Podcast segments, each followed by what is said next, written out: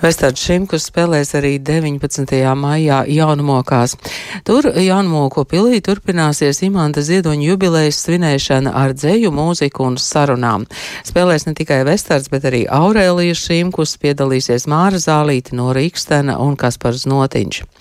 Pavisam netālu no Tukuma slavenā Rīgas mēra Džordža Armitsteda celtajā jaunmoku pilī ir notikušas zīmīgas kopā nākšanas ar Imanta Ziedoņa draugiem un domu biedriem.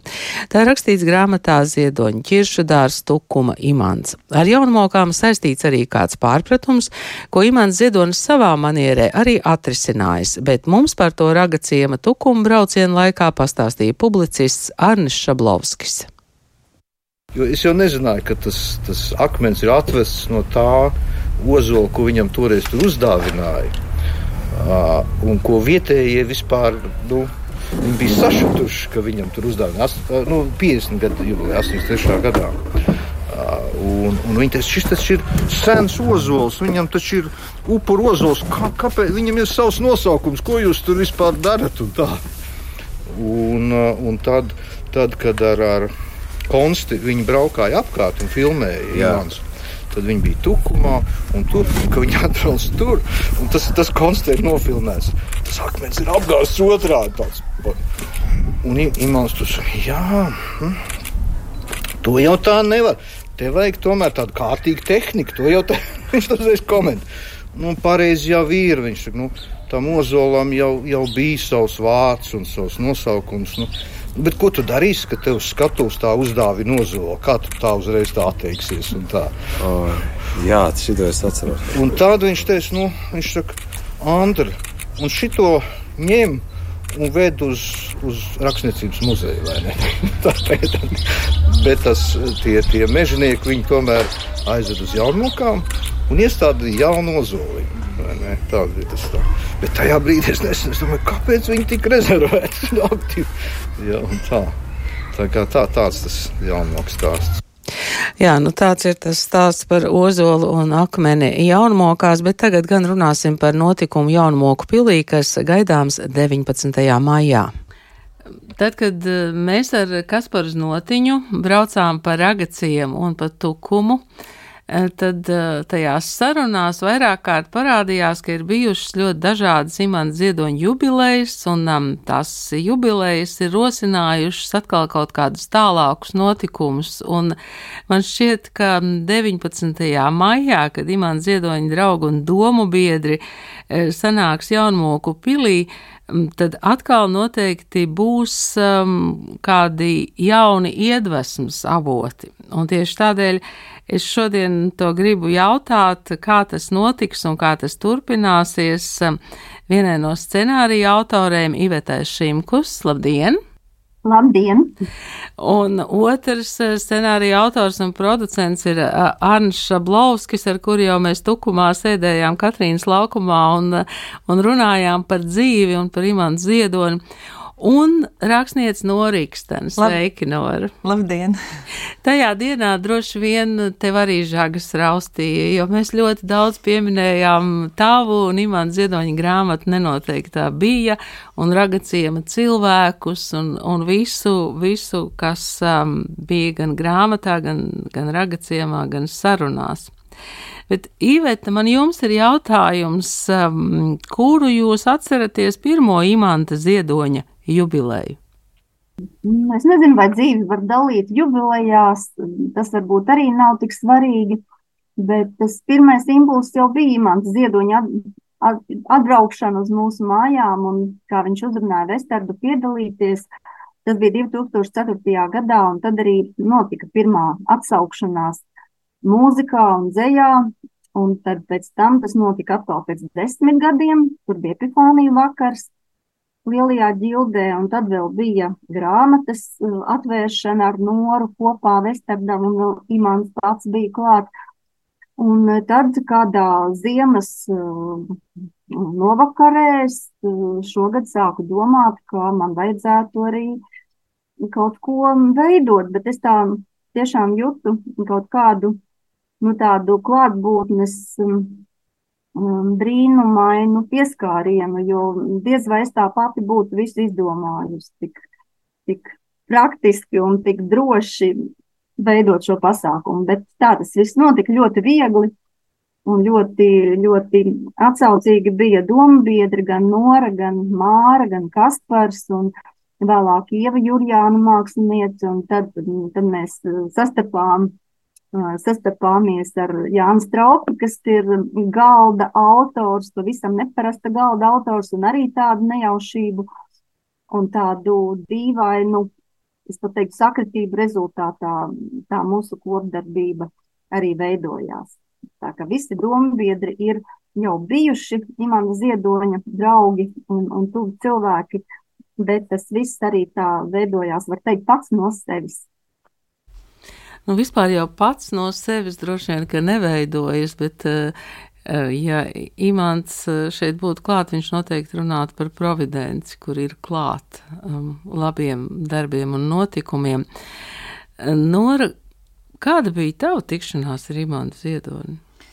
Nu, es domāju, ka Imants eh, nu, jau pavisam tieši runātu nevis par providenci, bet par dievu, jo mm, mēs noslēgsim šo brīnišķīgo pasākumu ar Imanta dzējoli, kas ir būtībā tēvreizi. Viņš ir uzrakstījis tēvreizi.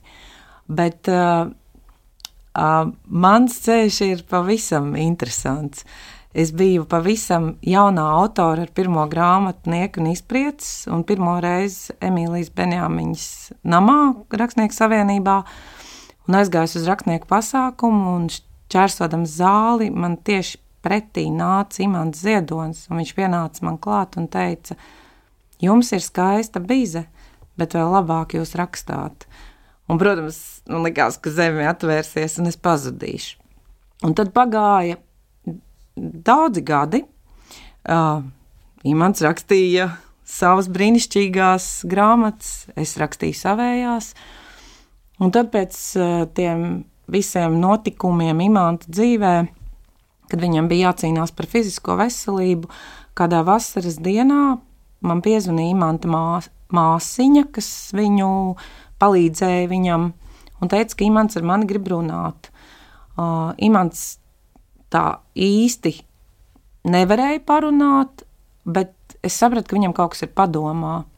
Un tad es domāju, man vienkārši jāaizbrauc pie imanta. Es aizbraucu pie imanta un pāri valodas barjerām es sapratu, ka viņš grib rakstīt grāmatu par savu bērnību. Un es sapratu, ka tas nav iespējams. Un uh, tad mēs gadu runājām. Vai arī uh, Kāds mums palīdzēja runāt, un uh, mēs sapratāmies, un tā pa nenoteiktā bija. Un tad, pateicoties nenoteiktai bijai, es sastapu brīnišķīgo uh, mūziķi Vestardu Šimku, ar kuru mums bija brīnišķīgs pasākums ģildē, un Imants sēdēja pirmajā rindā, un viņa uh, um, uzvalka atlokā bija balti sniegpulkstenīši. Un to pasākumu nevar aizmirst. Un tagad, kad Iveta ir visu to dabūjusi kopā, un to arī Mārzālī teica, ka kā tas ir iespējams, nenoteiktā bija. Tad Kaspars Notiņš, kurš spēlēja ziedonu un visumu, pēc tam pārveidotams nenoteikto biju. Māras sarunas ar Imantu, to mēs nezinām. Vestārda un Aurēlijas mūzika, tas viss ir tādās sap, saplūdis tādā vienā gaismas upē, un Arnis Šablovskis un Iveta tas bija brīnišķīgi, jo pirmais mēģinājums notika manās mājās Ikšķilē.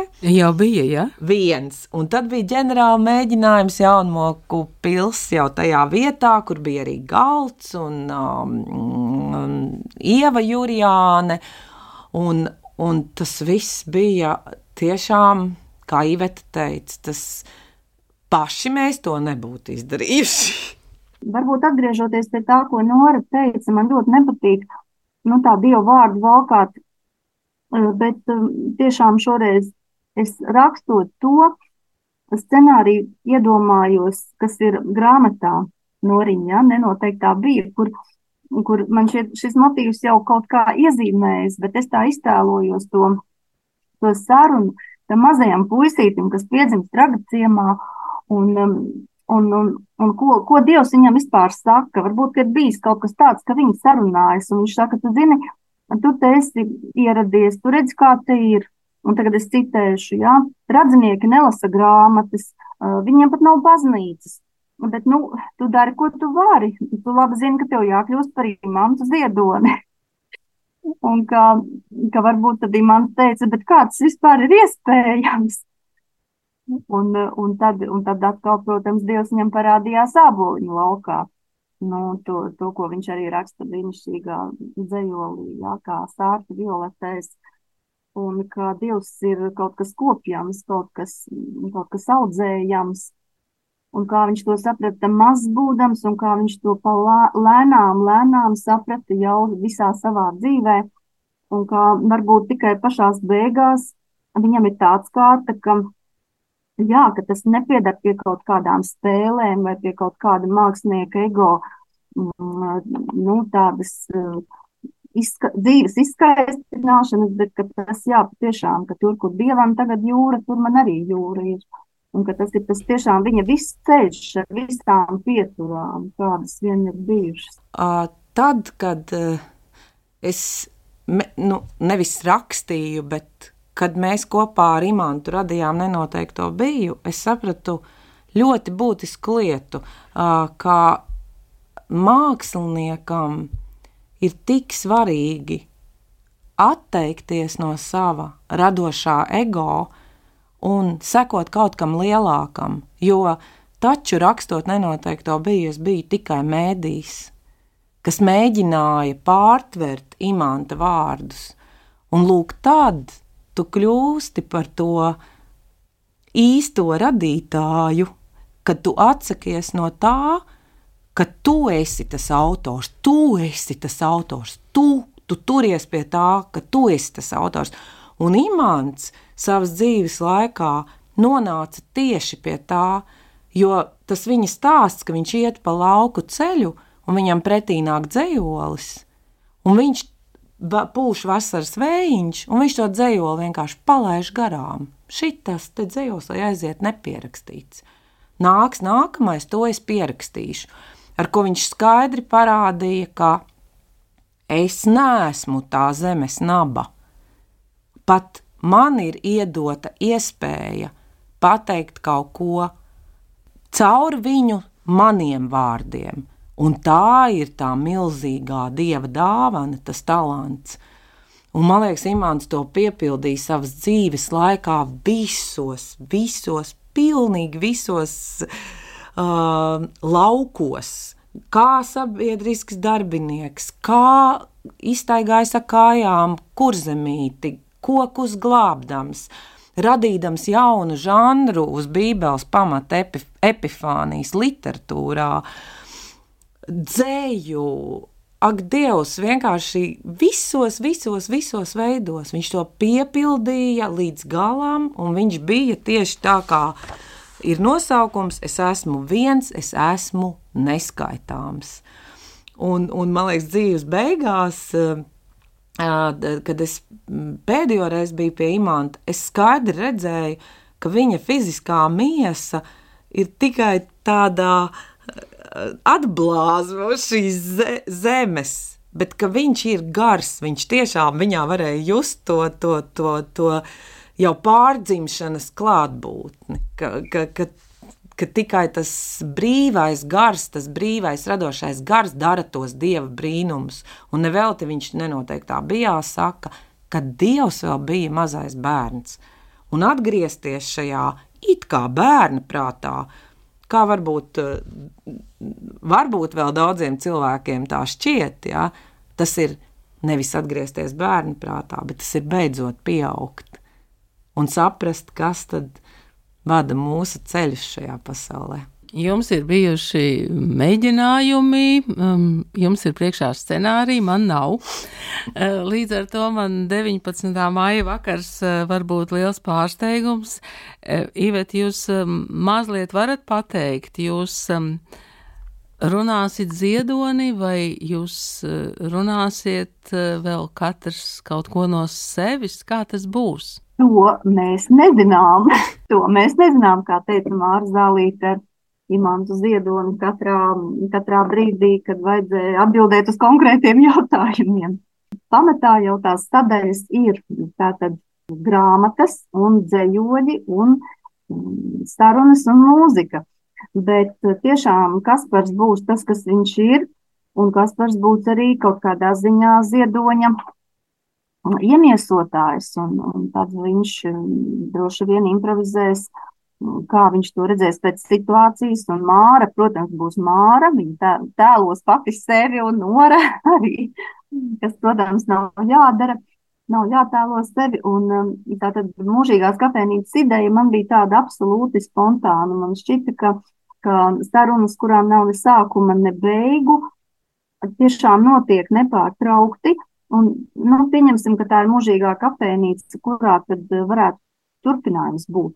Un laiks ir arī tā mūžīgā tagadne, kas mm, īstenībā ir tas pārdzīvojums. Ja mēs kaut ko pārdzīvojam, tad tas notiek tagad.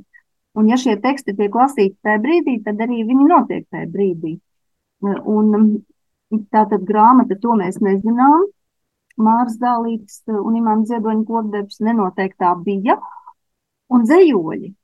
Nu, tādas ir tās galvenās sastāvdaļas, bet kā tas viss veidosies, jā, jo mums ir arī vieta improvizācijai, mums ir vieta arī noslēpumiem, kuri tiks atklāti, un Māra Zālīte taupa kādu ļoti lielu, ilgi glabātu noslēpumu, un um, aicinu piedalīties noslēpuma atklāšanā. Mums pašiem, un es ļoti ceru, ka arī klausītājiem, tā lielākā vērtība un atklāsme ir tā, cik ļoti, ļoti gaišredzīgs un vietas imants ir bijis tajā, ko viņš ir pateicis savā dzējā, savās grāmatās, savās sarunās. Viņš tiešām ir bijis pareģis, pareģojis. Un tad, kad tu lasi tagad to, tev liekas, kā tas ir iespējams, ka viņš to ir zinājis jau tad, bet tas ir iespējams tieši tāpēc, ka viņš visu mūžu trenēja savu garīgo dzīvi. Un līdz viņš nonāca pie šī viena, un man arī bija liels, pat nevis pārsteigums, bet tāds gandarījums arī par to pēdējo dzējokumu. Nu, labi, es neatklāšu visus sīkumus.